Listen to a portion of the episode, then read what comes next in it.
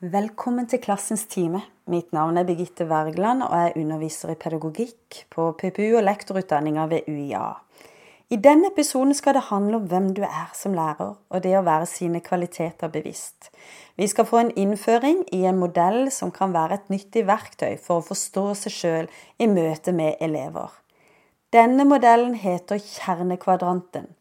Og Bente Wetland, som har skrevet boka 'Kjenn deg selv som lærer' sammen med Kristin Aase, skal vise Julie Østrem og Ingrid Emilie Eng, som er lektorstudenter ved UiA, hvordan en kan bli bevisst sine kvaliteter og fallgruver. Følg med.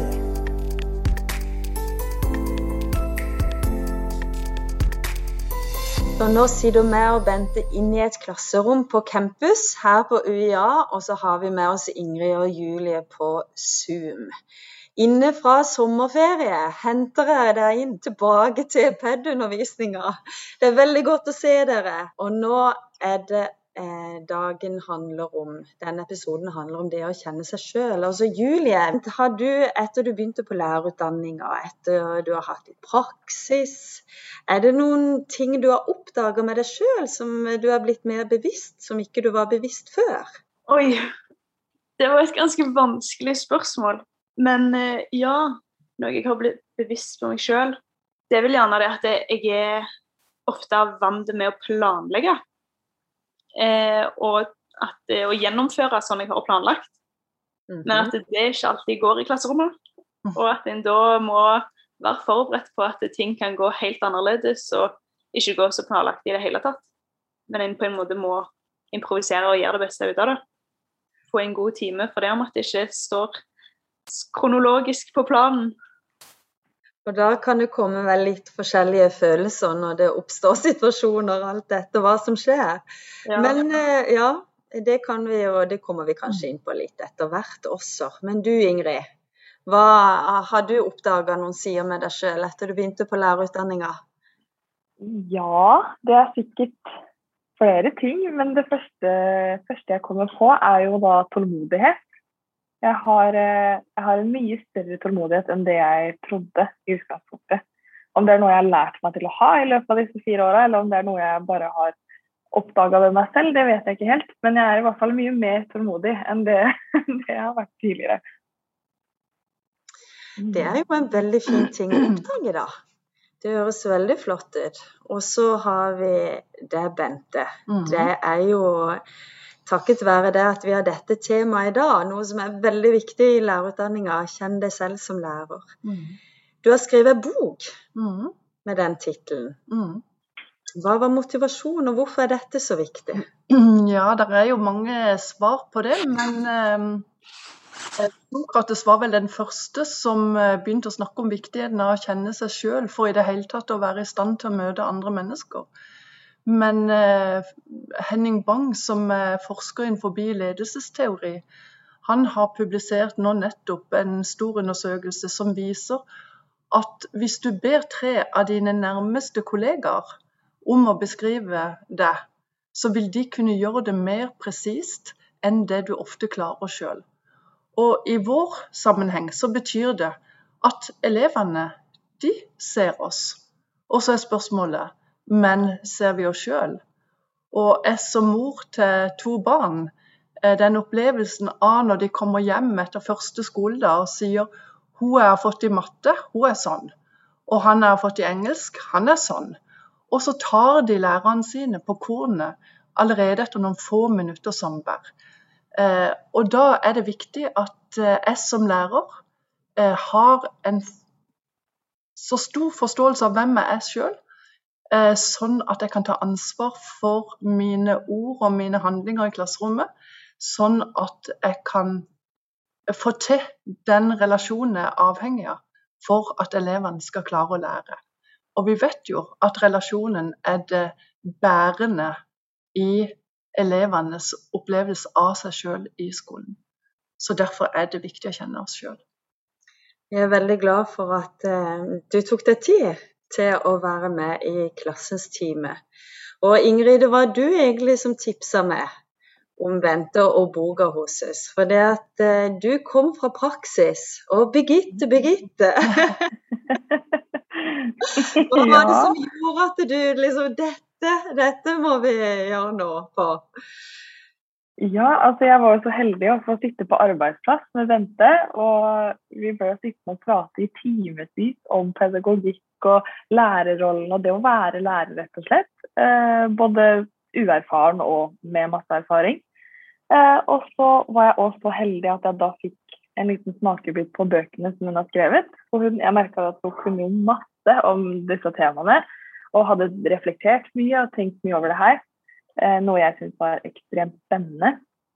Så jeg var så heldig å få boka og få lese den. Hun har skrevet 'Kjenn deg selv som, som lærer'.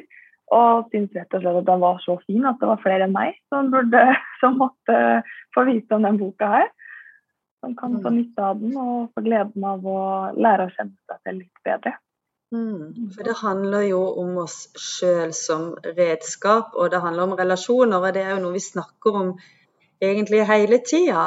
Og nå sitter jo vi i et eh, klasse, eller et undervisningsrom her på campus. Her presenteres det mye teori. Eh, og det er nok ikke alltid, og heller kanskje eller sjeldent, vi klarer å, koble det på 'hvem er jeg?' Og så vet vi jo at når vi står i undervisningsrommet, så handler det mye om klokskap. Mm eh, som Aristoteles har et begrep på, fronesis. ikke sant? Og det er jo noe, den klokskapen den utvikles i relasjoner, i situasjoner. Og en kan jo gå med skylapper. Det er jo ikke alle lærere som på en måte utvikler seg til å bli bedre lærere, eller det å få bedre relasjon til sine elever. Og dette er jo spennende, for du, Bente, du står jo i praksisfeltet. Mm. Eh, og på en måte derifra skal utvikle gode lærere. ikke sant? Og jeg står eh, i akademia hvor det er teorien, og så må vi prøve å bygge broer. Det er jo noe av det som er litt sånn spennende med den boka du har. For her bygger du bror mellom teori og praksis, og ikke minst hvordan jeg kan utvikle meg til å bli en bedre lærer. Mm. Og da For vi måtte jo velge oss ut, for det er jo mange ting her, da. Men det, har du noen tanker om dette her med teori og praksis? For det, det, mange ganger vi kan snakke være nedlatende i forhold til teorien, men, men, du er jo ikke det heller. Nei, jeg, jeg leser mye eh, teori. Eh, så når jeg skal på ferie, så har jeg alltid med meg ei bok eller to med eh, teori knytta til pedagogikk eller filosofi, for det er to fag som jeg syns Og psykologi. Det er liksom tre fag som går som hånd i hanske. Men det jeg opplever mer og mer jo lengre jeg befinner meg i klasserommet, det er at når ting går bra, så trenger vi faktisk ikke så mye teori. I alle fall eh, ikke hvis vi er normalt hyggelige og snille eh, og danna mennesker. Men skolehverdagen er jo full av Eh, plutselige hendelser. Eh, og da trenger jeg teori for å kunne på en måte manøvrere meg i et eh, krevende landskap. Så det er når det brygger opp til storm at jeg trenger teori. Og da må det ligge forankra i hele systemet mitt. For da har jeg ikke tid til å løpe hjem og lese, for da må jeg handle der og da. Og da trenger jeg teorien. Mm. Og nå i dag skal vi fokusere på eh, en spesiell ting. Eh, kvadranten. Kjernekvadranten. Mm. Så nå, Bente, nå må du ta oss inn i hva det er. Og så skal du vise hvordan vi kan bruke denne teorien til å forbedre oss og utvikle oss som pedagoger. Det har jeg veldig lyst til. Og da Julie og Ingrid, eh, er dere da klare for eventuelt å kjøre en liten coachingprosess for at dere skal kanskje se dere sjøl tydeligere underveis gjennom denne podkasten? Veldig. Ja, så bra. Eh, denne eh, Det er jo et personlighetstype verktøy, dette. Og han som står bak denne modellen, han heter Daniel Hoffmann, og han er fra Nederland. Og den modellen er så anerkjent i Nederland at alle profesjonsstudier gjennomgår denne modellen som en del av studiene sine. Den er veldig logisk bygd opp, og når du først får tak på den, så er den veldig enkel å bruke. Og han er mye enklere å få tak på òg enn veldig mange andre personlighetstype verktøy. For at jeg skal få litt inntrykk av hvordan jeg sjøl har nytta den i hverdagen, så tenkte jeg skulle bare fortelle dere et eksempel som eh, går noen få år tilbake. Um, for da hadde jeg vært på kurs med Daniel Offmann og blitt sertifisert for denne kjernekvadranttenkninga. Og da gikk jeg på kursen i Oslo, og jeg har en eh, voksen sønn som bor i Oslo, så jeg bodde hos han. Og så fikk vi oppgave på det kurset fra den ene dagen til den andre å identifisere hva slags kjernekvalitet som hver av oss har. Og så sa han det at det av og til kan være vanskelig å finne kjernekvaliteten vår. Fordi at det vi har som kjernekvalitet, det tar vi ofte for gitt hos oss sjøl. Og i tillegg så tenker vi ofte, og det kan alle andre òg, så det er ikke noe vits å på en måte snakke om. Og så måtte jeg spørre sønnen min du, Vemund, vet du om jeg har noe kjernekvalitet? For jeg kunne ikke komme på det. Og så sa han men mamma, da. Du er jo så entusiastisk. Eh, du skal bare liksom få et lite stikkord, og så er du i gang. Og så tenkte jeg ja, det er jo en kjernekvalitet. Og det som er interessant med kjernekvalitet, det er at hvis vi får lov til å bruke det eh, i hverdagen vår sammen med elevene, så blir vi sjeldent veldig trøtte. Eh, du sa Julie i starten at det, dette med planlegging at det var en viktig kvalitet for deg. Og da vil jeg tippe på at når du har planlagt en time, og du får lov til å følge den planen, planen kronologisk, så er du veldig glad og opplagt når du går ut fra timen. Utfordringa er når ikke elevene vil det, når ikke de responderer. Så står vi der, og så vekkes det følelser i oss. Og jeg som da har entusiasme som min kjernekvalitet, så kom jeg inn i en klasse for noen år siden, og så er jeg jo entusiastisk, og så sier jeg Velkommen her til Kristiansand katedralskole Gimle. Det er vi som skal ha dere i kommunikasjon og samhandling. Og det er et spennende fag. Og så begynte jeg å fortelle. Og så satt elevene helt døde. Det var ikke mimikk. Eh, de så ikke opp. De satt og kikka ned. Og så går jeg i stress. For da hadde jeg opplevd gjennom hele lærertida mi at entusiasmen hadde båret meg. Eh, og så ville ikke elevene ha det. Og så ble de stille. Og så presse jeg over i mitt eget stressområde. Så fra å være entusiastisk, så girer jeg opp det. Kan dere tenke dere en eh, radio, en litt eh, dårlig radio. Og så er det normalt med lyd på den, og så er på en måte det behagelig å høre på. Og så skrur du bare opp volumet, og så begynner det å skurre, og så er det vondt å høre på radioen.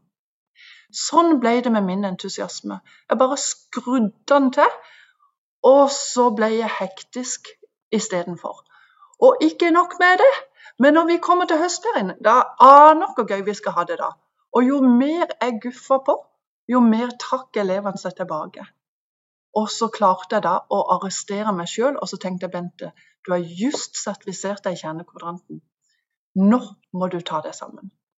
Og så tenkte jeg nå må vi bare kutte her, og så må jeg rett og slett hjem og tenke. For det som ble utfordringa mi da, det var å finne hvilken eller hvilke supplerende kvaliteter har jeg tilgjengelig i min personlighet, men som kan balansere min kjernekvalitet. Og så fant jeg ut jeg har også ro tilgjengelig i min personlighet. Men det er ikke den som kommer først, det er entusiasmen. Når jeg da gikk inn i klasserommet neste dag, så kunne jeg si til elevene eh, i dag skal vi begynne med et nytt tema. Og jeg har lyst til å fortelle dere hovedlinjene i dette eh, temaet. Eh, og jeg har tenkt å holde på i ett kvarter. Og så kan dere ta stikkord. Jeg vil bare ta bruk av papir og blyant, så jeg har kontakt med dere. Men når jeg er ferdig etter et kvarter, da skal dere få lov til å sitte i ro. Og så skal dere få jobbe selvstendig. Og så så jeg bare hvordan elevene falt eh, til ro. Og så aksepterte de min entusiasme i et kvarter. For den må jeg jo ikke gi fra meg, det er jo min kjernekvalitet. Mm. Og så supplerte jeg den med ro i klasserommet, og elevene fikk lov til å vende tilbake til seg sjøl. For hvis jeg ikke gjør det, så har jeg lett for å gå i det vi kaller for vår mentale allergi. Og alle som er allergiske, vet at hvis de har fått for mye laktose eller for mye nødder, så skal det ingenting til, og så går de hen og blir for et sånn allergisk sjokk. Men sånn kan vi også ha det i forhold til vår mentale del av personligheten vår. Og hvis ikke jeg hadde klart å balansere min entusiasme med min ro, så er det negativt motsatte av å være entusiastisk, det er å gi blaffen. Og det var der jeg var den dagen når jeg, elevene ikke ville høre etter hva jeg sa. Og vi var ikke kommet lenger enn til slutten av august, begynnelsen av september. Og da tenkte jeg istedenfor å være entusiastisk, så tenker jeg vet du noe, jeg gir blaffen i dere. Nå er det bare ti måneder til sommerferien. Det kommer til å gå greit. Jeg skal holde ut. Dette Jeg, jeg orker ikke å bry meg. Men fordi at jeg klarte å balansere ut min kjernekvalitet med ro, så ga jeg meg sjøl en åpning tilbake igjen til kjernekvaliteten min. Som jeg er avhengig av å bruke, og som jeg vet er god for eleven. Men det må ikke bli for mye av det. Så det er på en måte det jeg tenkte vi skulle snakke om i dag. Og da må du, du må trekke oss litt igjennom dette her. Sånn at eh, kanskje etter vi har hørt eller vært igjennom denne eh, økta her For det blir jo en liten økt. Det er spesielt du og Ingrid og Emilie som eh, nå dere må jobbe litt, eh, rett og slett. Og så se om hvordan vi kan bruke dette verktøyet.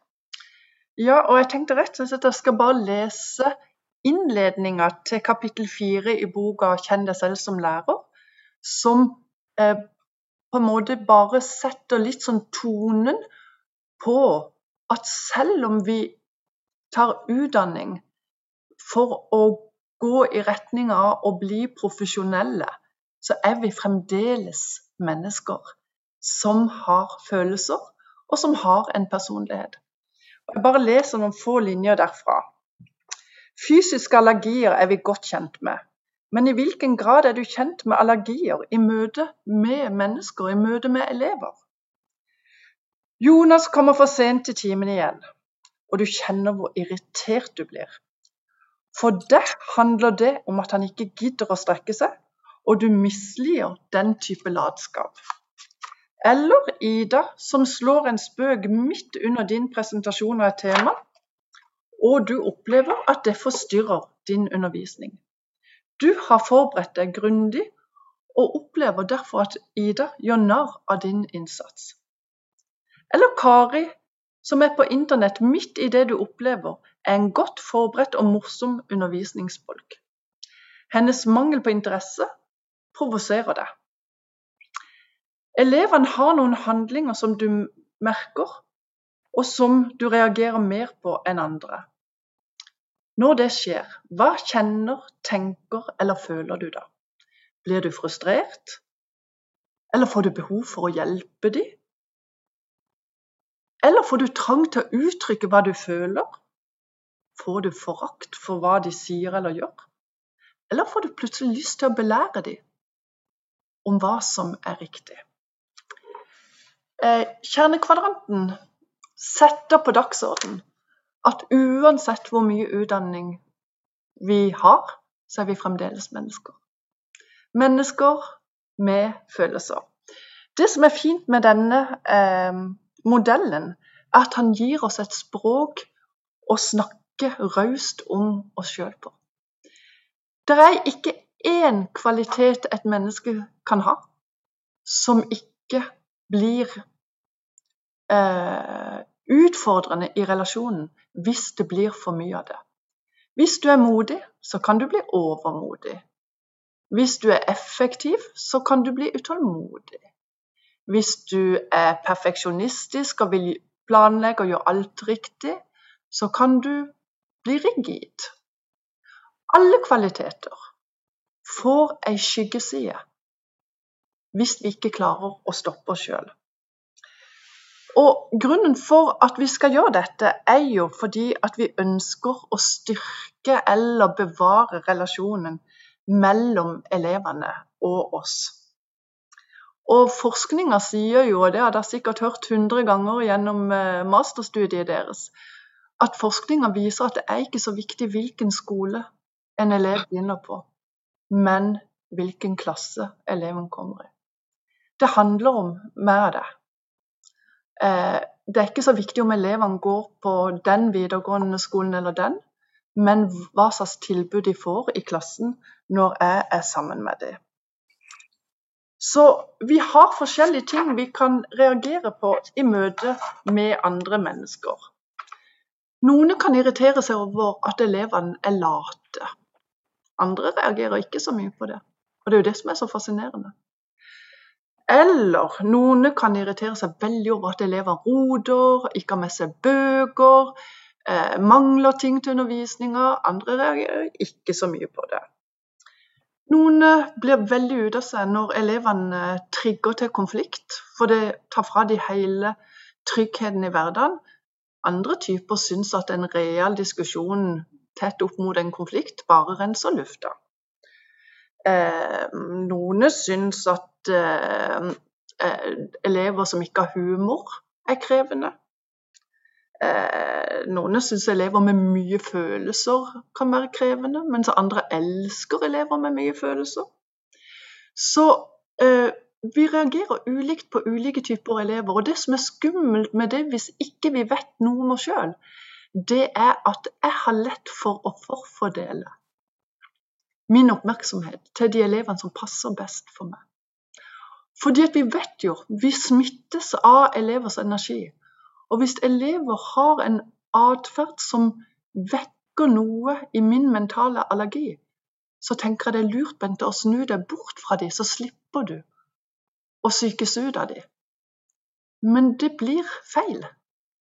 Men da må vi vite hva som skjer, for da kan vi stå opp og så kan vi styre eh, gjennom dette så kan vi vinne også disse elevenes tillit hvis vi jobber profesjonelt.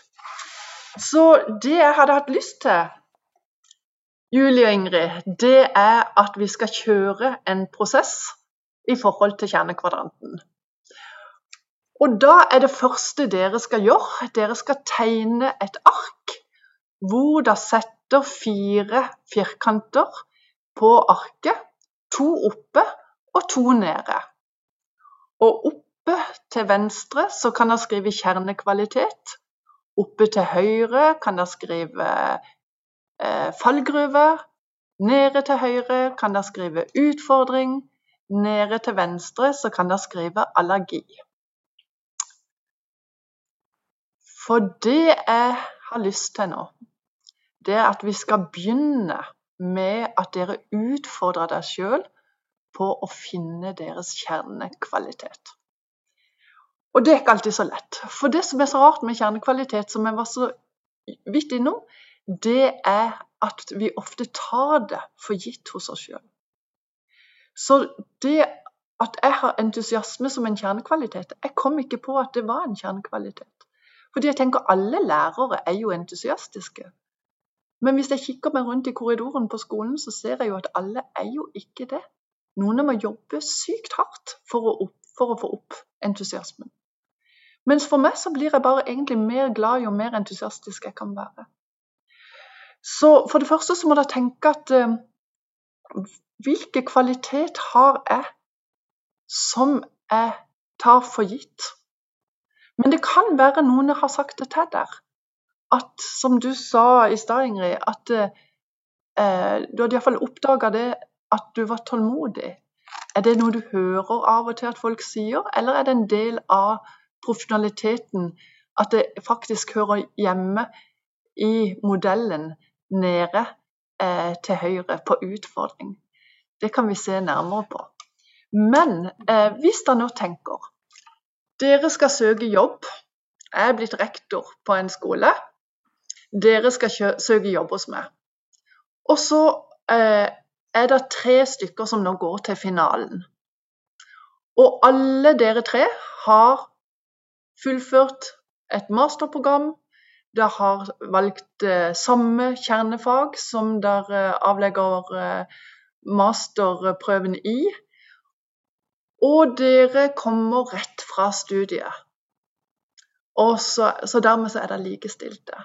Og så sitter vi der på sluttintervjuet, og så sier jeg Men Julie, hvorfor skal jeg ansette deg og ikke de to andre?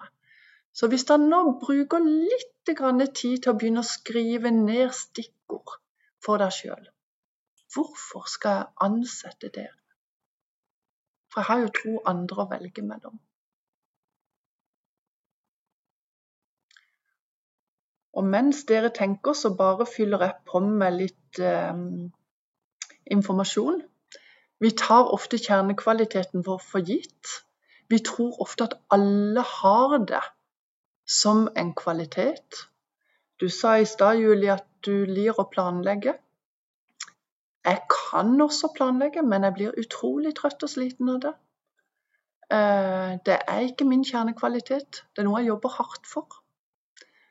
Eh, så vi tar det ofte for gitt hos oss sjøl.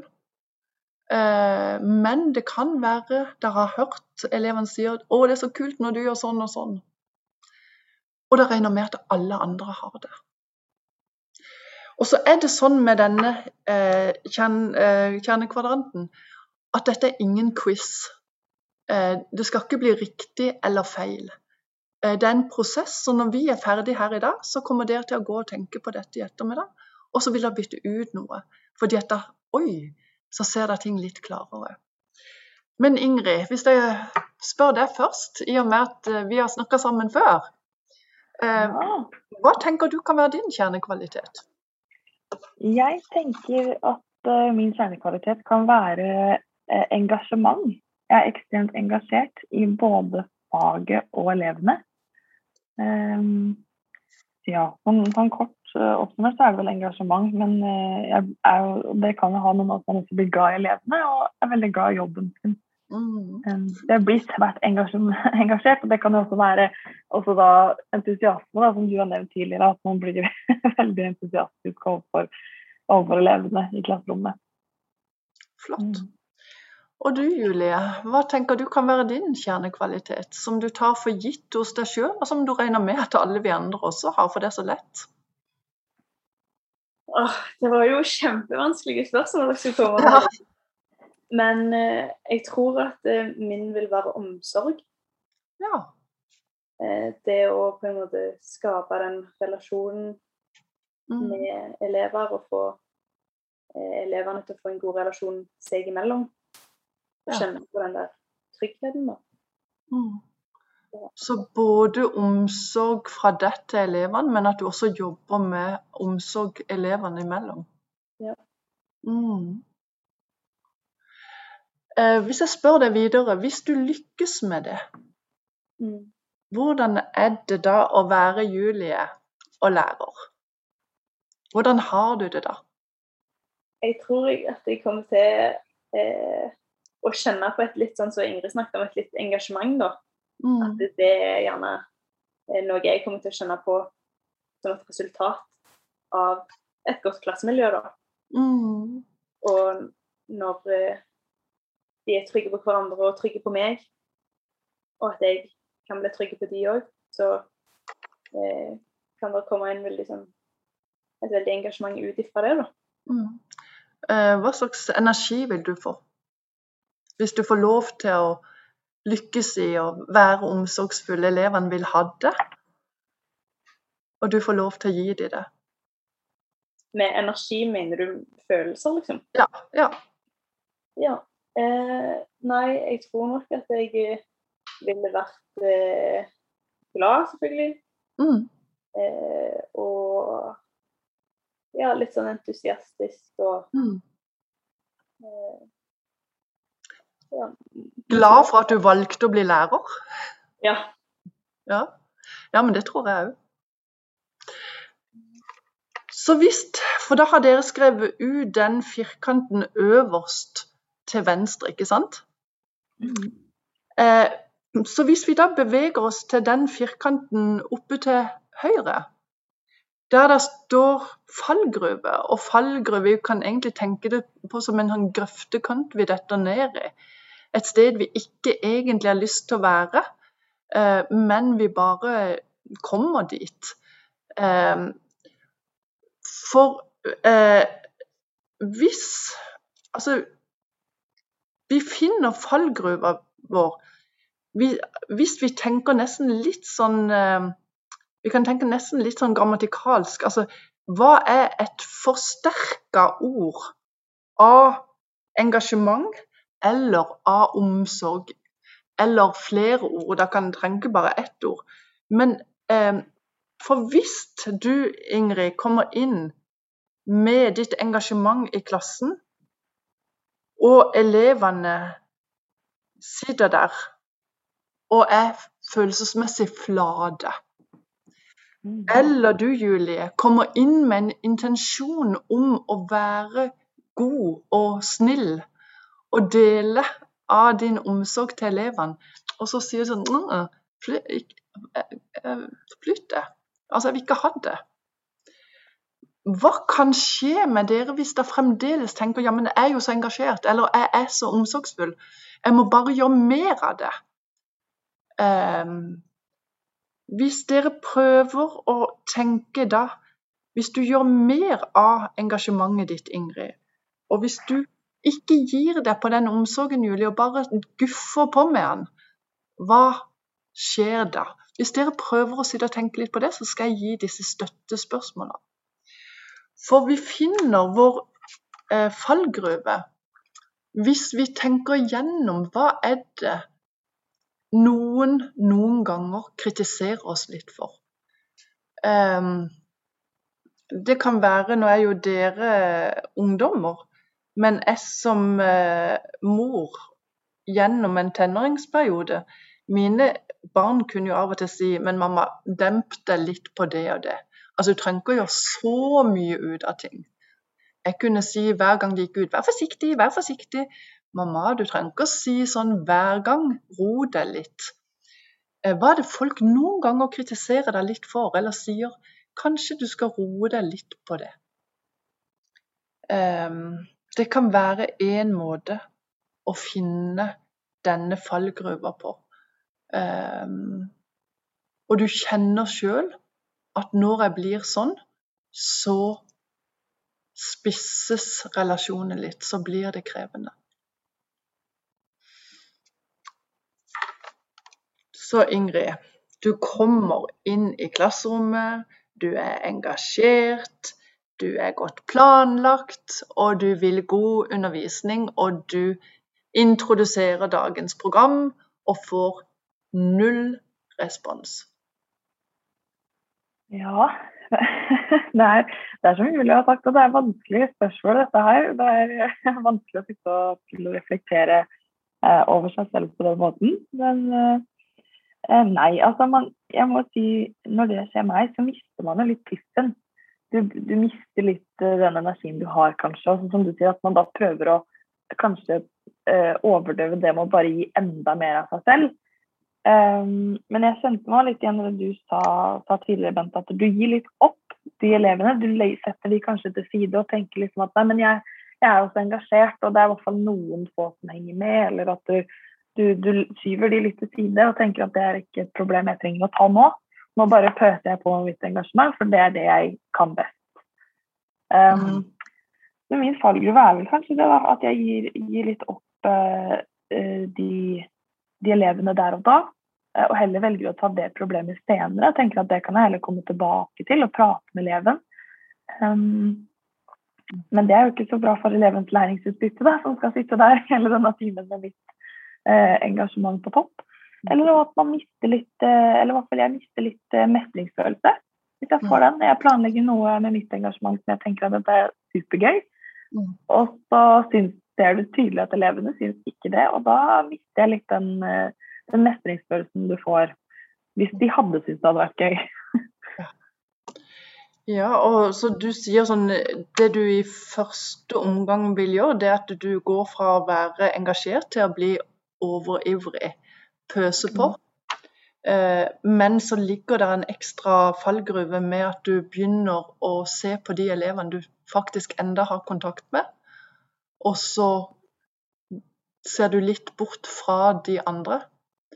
Og det er jo veldig krevende hvis vi velger den strategien, og jeg tenker den skjer bare helt automatisk hvis ikke vi er bevisst på det. Mm. Fordi at vi er jo modellen i klasserommet, og hvis vi begynner å velge ut elever, så gir vi jo egentlig grønt lys for at elever kan begynne å velge ut hverandre. Og da er vi på en farlig vei. Eh, så det er jo mer at vi blir oppmerksom på det, at det ligger der som en fristelse når ikke de vil ha meg sånn som jeg er. Og at du da begynner også på den litt farlige veien med å miste mestringsfølelse. For idet vi kommer inn i det, og hvis det ikke stoppes, så kan vi jo etter hvert sånn sett tappes for energi. Og det vet vi jo at mange lærere dessverre gjør. Mm.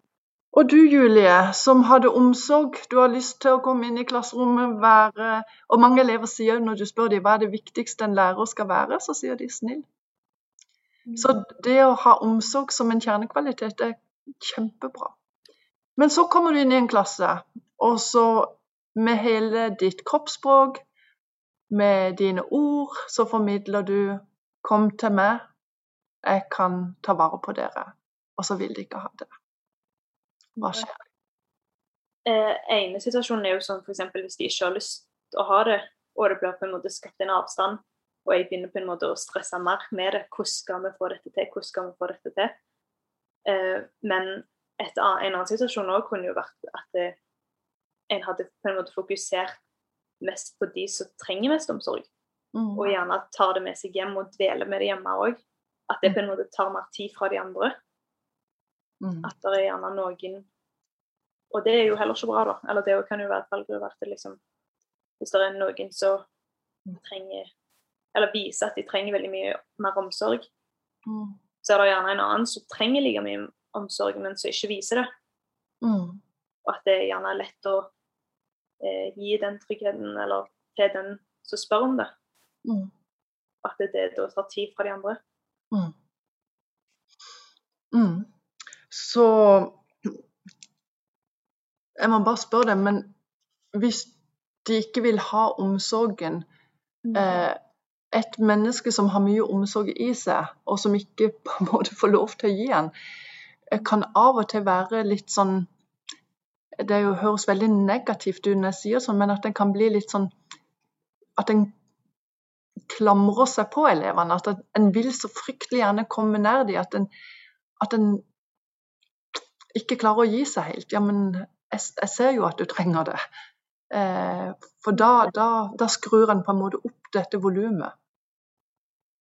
Ja, jeg tror nok sånn i mitt tilfelle at en kunne tenkt mye på det. Mm. Uten å på en måte eh, i praksis eh, trenge seg veldig på. Mm. Mm. Men eh, tenkt mye på det, og, og gjerne nå har jo ikke jeg opplevd det sjøl, men det kan jo være at det, det, hadde vært lurt å snakke med kollegaer som gjerne ser det samme, eller eh, leder eller kontaktlærer. Mm. Og på en måte delt, eller, eller, delt på ansvaret, holdt jeg på å si, eller liksom mm. Hvis en virkelig hadde kjent veldig på at det, denne eleven trenger hjelp, mm. at en da og den eleven da responderer veldig negativt på hjelp på en måte. Mm. At jeg gjerne hadde jeg tror, jeg tror, ikke jeg hadde på en måte tørt å trenge meg sånn på. Men heller på en måte gjerne hørt med kollegaer. Mm. Eller den eventuelle kontaktlæreren. Mm. Eh, for det, det, hadde vært et ønske, da, mm. Å få hjelpe selv om en ikke ønsker hjelp. Mm. Bare vanskelig å gjøre det når en ikke Eller iallfall gjøre det alene, på en måte. Mm. Og da er det veldig viktig eller veldig kjekt å ha noen kollegaer som du på en måte kan lene deg på, og være mm. sammen med liksom, om dette. Og jeg tenker det er veldig klokt det du sier.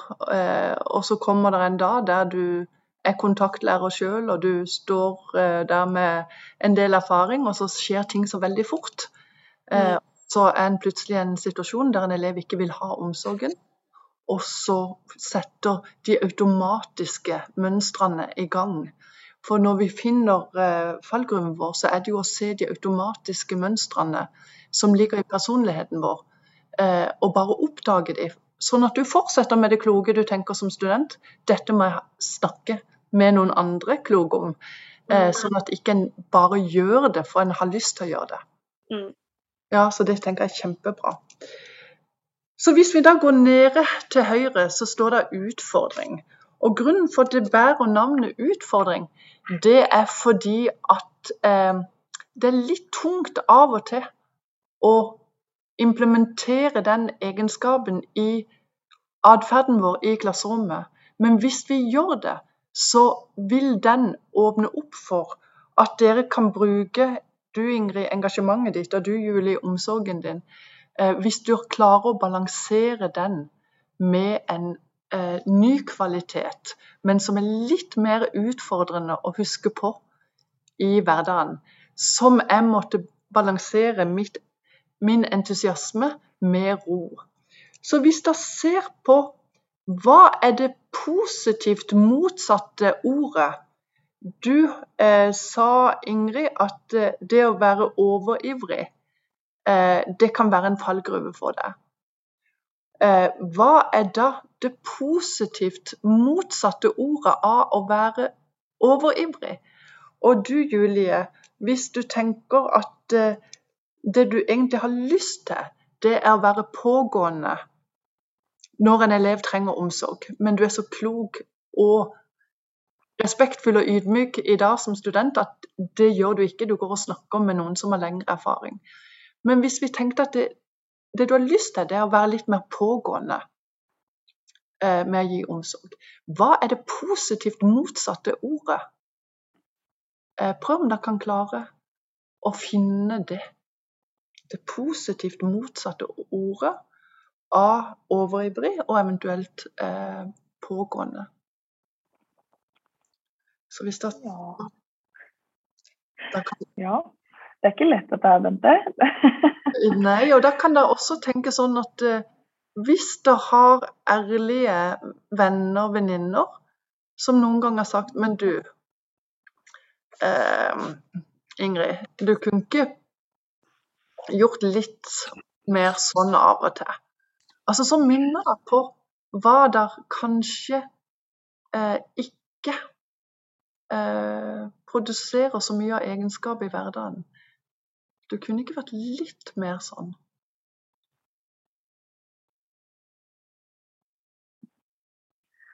Ja, altså det første, det første, jeg tenkte på, det første som, som uh, kom til meg når du begynte å snakke om det her med utfordring og utfordringsfolken, da, Bente, som også er positivt, var jo tid. For det jeg merker ofte, er jo at det engasjementet mitt som er positivt, eller kjernekvaliteten, det spiser jo tid av, av timene. Ofte kanskje mer tid enn det jeg hadde planlagt, og så blir det mindre tid til elevene. Um, men, uh, men, det positive med det da kan jo være kan jo være den tiden at elevene trenger den tiden for å på en måte klare å fatte hva som egentlig er, uh, pøser ut da, med dette engasjementet. Mm. Eh, eller at utfordringen min da blir å, å, gi dem mer tid, noe som er positivt i den forstand at de, de trenger den tiden til å jobbe med det. Eh, og at jeg må passe på å, å, legge det inn som en kvalitet også, ikke bare engasjement. Men klare å bare skape den balansen. Ja. Eh, Så det å gi tid, vente på elevene, være tålmodig, mm. Eh, få de med deg at ikke ja. du løper, løper alene over målstreken. Ja, ja, det er litt det. Jeg vet jo ikke om det er på en måte det du, du tenker på når du sier det positive motsatte, men uh, det var det som i hvert fall jeg, jeg kom til å tenke på. Jeg syns det var det, det, var veldig to the point, tenker jeg. Julie, hvis du ikke skal gi den økte omsorgen, ja, jeg tenkte egentlig litt på det samme som Ingrid.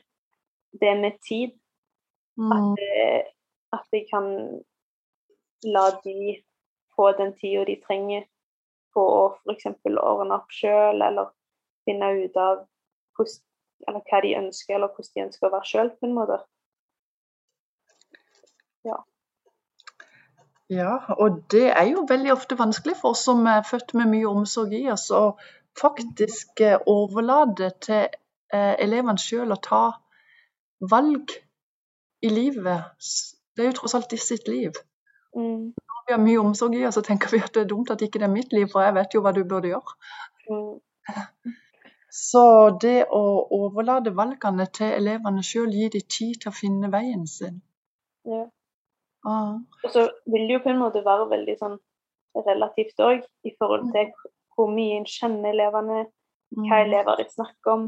Mm. Noen vet du jo bare trenger litt tid, Mm. mens andre har du gjerne erfart at det, de trenger mer hjelp, f.eks. Mm. Flott. Eh, Så går vi til denne her mentale allergien vår helt til slutt. Eh, Hvis eh, du, Ingrid, går tilbake til engasjementet, og du, Julie, til omsorgen. Hva er det negativt motsatte ordet av engasjement, av omsorg?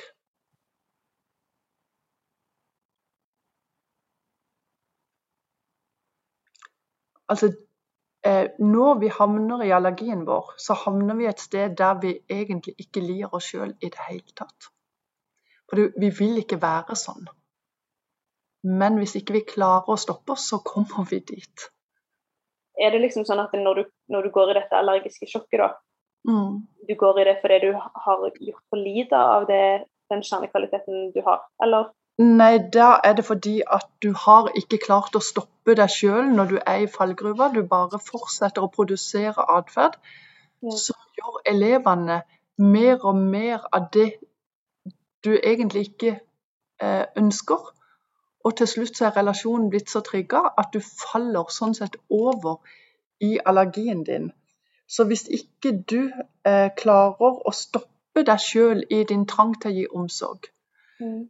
så vil du havne i det motsatte av å være en omsorgsfull person. Og hvem blir du da? Hvis du til slutt eh, får allergisk sjokk mot disse elevene som ikke vil ha omsorgen din, hva, hva, blir, hva, hva skjer med det da? Du kan bare ikke mer. Mm. Du har prøvd alt, og de vil ikke. Da slutter en jo å bry seg. Da slutter du å bry deg. Det er det som er så ille. Mm. Og hvis du tror at dette er veldig spesielt for lærere, så tar du feil. Men de har prøvd det, de har prøvd, og til slutt så sier de 'jeg kan ikke'. Jeg slutter å bry meg. Og da har alle tapt, sant? Mm. Og du, eh, Ingrid, som er engasjert, hva tenker du? Ja, kan, altså kan denne her mentale allergien kan det også være en, en følelse som vi Ja. sitter igjen med? Mm. Ja. For jeg tenker jo um, Det som skjer da når man har gått i denne fallgruven, er jo at man kjenner på eller ofte kjenner på ekstrem frustrasjon.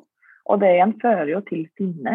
Du kom, det er jo kanskje, veldig- og da blir man igjen ganske upedagogisk i et klasserom. Altså man får disse følelsene man kanskje ikke burde ha. Mm. Um, Mm. det henger jo kanskje litt eller det henger jo sammen med det Julie sier, at da, da har man kanskje litt fortere eller lettere for å gi opp. Mm. Du, for du kjenner på vonde følelser, og så vet du at nei, jeg kan ikke gå og kjenne på dette hver dag, eller Mm. dette orker jeg ikke, og da velger du bare gi opp. Mm. Så da har dere skrevet en eh, kjernekvadrant. Dere ser eh, kjernekvaliteten. Dere ser hva som skjer når ikke eh, elevene tar imot der, og da skrur opp volumet på den. Dere ser at dere kan balansere den med en tilleggskvalitet, og får dere tak i den tilleggskvaliteten hvis du, eh, Julie, klarer å la elevene valgene sine sjøl, men du er der bare som en voksen støtte, eh, så kan du vise omsorgen din akkurat sånn som eh, du ønsker. Og du, eh, Ingrid, hvis du gir elevene tid, venter på elevene, tar de med deg, så kan du fortsette å bruke engasjementet. For får vi ikke til det, så står du, Ingrid, i fare med å bli sint, og til slutt gi elevene opp. Og du, Julie, står og blir så utmatta at du til slutt slutter å bry deg. Så det er gang i kjernekvadranten. Og eh, alle har vi vår egen kjernekvadrant. Eh, for det handler om at det er hver og en av oss som skriver den. Eh, og da kan vi bruke den når det røyner på. Så helt konkret i mitt klasserom, da har jeg en mental firkant som for min del heter entusiasme. Da går jeg fysisk hen der i klasserommet, og så stiller jeg meg der. Og så lar jeg meg nære opp av min eh, glede over å være entusiastisk. Men når jeg ser at nei, nå er det faktisk blitt nok for denne gjengen, så går jeg fysisk hen i det som er da min utfordring. Og der vet jeg for min del, der står det skrevet ro deg ned, Bente. Og så husker jeg det. Og med å stå med ett bein i kjernekvaliteten, ett bein i utfordringer, så kommer det til å få et fantastisk liv som lærere. Så det var det, Birgitte. Ja, hjertelig takk. Jeg har sittet her mens du nå har veileda både Julie og Ingrid, så har jeg liksom sittet med mine sjøl. Hva er mine? Ikke sant? Men dette vil jeg jo tro at du får bruk for på flere arenaer i livet ditt i familien, livet eller med venner eller ja. Og nå står vi jo foran eh, en ferie òg, hvor relasjoner kan bli litt tette, kanskje. Noen kommer hjem på ferie, noen drar hjem på ferie til foreldre eller familie eller noe sånt. Og en kan jo det å kjenne på slitasje eller følelser, eller at det blir trangt, eller ja. Mm. Så det er en fin måte å, å se seg sjøl utenfra. For eh, foreldrene hjemme ser der, vennene deres er der, og da er det fint å se seg sjøl òg. Ja, det, eh, nå må jeg spørre Ingrid og Julie. Nå har vi fått et sånt første innblikk i dette her. Hadde det vært noe Nå sitter vi i et klasserom på campus. Hadde dette vært en måte å prøve å knytte praksisfelt eller klasserommet tettere på oss her, her i akademia? Ja, absolutt. Jeg kjenner jo som student på den der følelsen Jeg har jo vært i praksis, men jeg har jo ikke eh, Og så har jeg jo vært litt vikar, men jeg har jo ikke kjent skikkelig på den der kontaktlærerrollen og liksom Hvem er egentlig jeg? Og jeg har jo ofte tenkt det når jeg har stått foran et klasserom at du, en må jo som lærer så må en jo kunne improvisere en del. Og det oppstår situasjoner som en ikke er forberedt på. Og da hvordan en skal respondere. Det går jo ikke an å planlegge på forhånd hvordan en skal respondere til det og til det. Og da er det sånn Skal du respondere med humor? Skal du respondere med alvorlighet? Hvordan skal en respondere, liksom? Og at det er noe du liksom må tolke i enhver situasjon. Og selvfølgelig folk, eller lærere, som, sånn som du sa, eh, Bente, at det, vi er jo bare mennesker, og vi har følelser, og vi gjør feil, vi òg. Mm. At vi liksom gjerne må være bevisste på hvis en responderer eh, på en måte en gjerne ikke burde respondert på, og gjerne være bevisste på det. Sånn at en på en måte kan lære til det til neste gang. Så jeg har jo veldig Ja, så er det så mye lettere å på en måte vite da, hvordan man skal respondere når man har eh, tenkt litt over det. Og det trenger jo ikke alltid heller altså, eh, som Julie sier, at selv om vi ikke har mange år med erfaring i ryggen, så har vi jo noe. Vi, har, vi vet jo liksom litt den følelsen av å stå i et klasserom. og vi kan jo tenke oss, sånn som vi har gjort i dag, her med deg, Bente, liksom, hva, hvordan ville jeg reagert, hva slags følelser får jeg, hva slags følelser vil oppstå. Så jeg tenker jo absolutt at kjernekvadranten er superfin for studenter å bruke. Og sitte og reflektere over, og så kanskje sammen, altså seg imellom. Hva, hva er dine positive sider? Og, og kanskje som du sa, Bent, at studentene vi kan jo være ærlige med hverandre og prate sammen og kanskje si at ja, men jeg har jo sett deg i praksis, og du kan ha fort for å falle i den fella, eller det her gjør du kjempebra. Så jeg syns, eh, det her var veldig spennende og veldig eh, ja, lærerikt. Det er gøy å lære litt om seg selv. Sitte og reflektere litt. Så det jeg syns er veldig bra med kjernekvadranten, er at det er ingen av oss som trenger å heve oss over andre. Eh, for som du sier, Ingrid, at eh, du vil kunne se student, altså medstudenter gjøre ting. Og så er problemet eller sannheten, og så ser de hva jeg gjør. Så vi er på en måte mennesker, og så må vi støtte hverandre, eh, være rause med hverandre, gi hverandre tro på at dette skal du få til. Men da har vi et verktøy, og vi kan snakke om hva kan være din utfordring, hva er det du skal implementere. Så kan du bruke denne kjernekvaliteten. Altså at vi kan snakke raust til hverandre. Mm. Og så tenker jeg at eh, det iallfall jeg pleier å si til lærere, og til iallfall når jeg holder kurs og sånn, alle disse situasjonene eh, som du sa, Julie, som vi må ta valg i. At vi øver oss til å tenke hvis det samme skjer i morgen, vil jeg løse det akkurat likt? Eller vil jeg gjøre det litt annerledes? For da er vi i gang med en utvikling. Hjertelig takk, Bente. Dette har på følelsen at vi kommer til å invitere deg flere ganger til Klassens time, for det er flere viktige temaer du har både i denne boka, du har skrevet om flere ting. Og så er det nyttig, tenker jeg, å få denne dialogen med dere, Julie og Ingrid, og så har vi praksisfeltet, og så har jeg vært veldig lyttende med akademia, men vi, vi, det å trekke dette inn hos oss, det er gull verdt. Og da bygger vi kompetanse, da, tenker jeg, når vi danner et sånt profesjonsfellesskap. Ja. Så hjertelig takk for at dere stiller i ferien deres, Ingrid og Julie. Ta med dere kvadranten. Det skal være for deg, ja. Det skal vi gjøre. Tusen takk for meg. Det var hyggelig å få, få være med og gjeste i podkast. Og da vil jeg jo si tusen takk for meg. Jeg syns også det var veldig gøy å være med i podkast. Så må dere ha en riktig god sommer.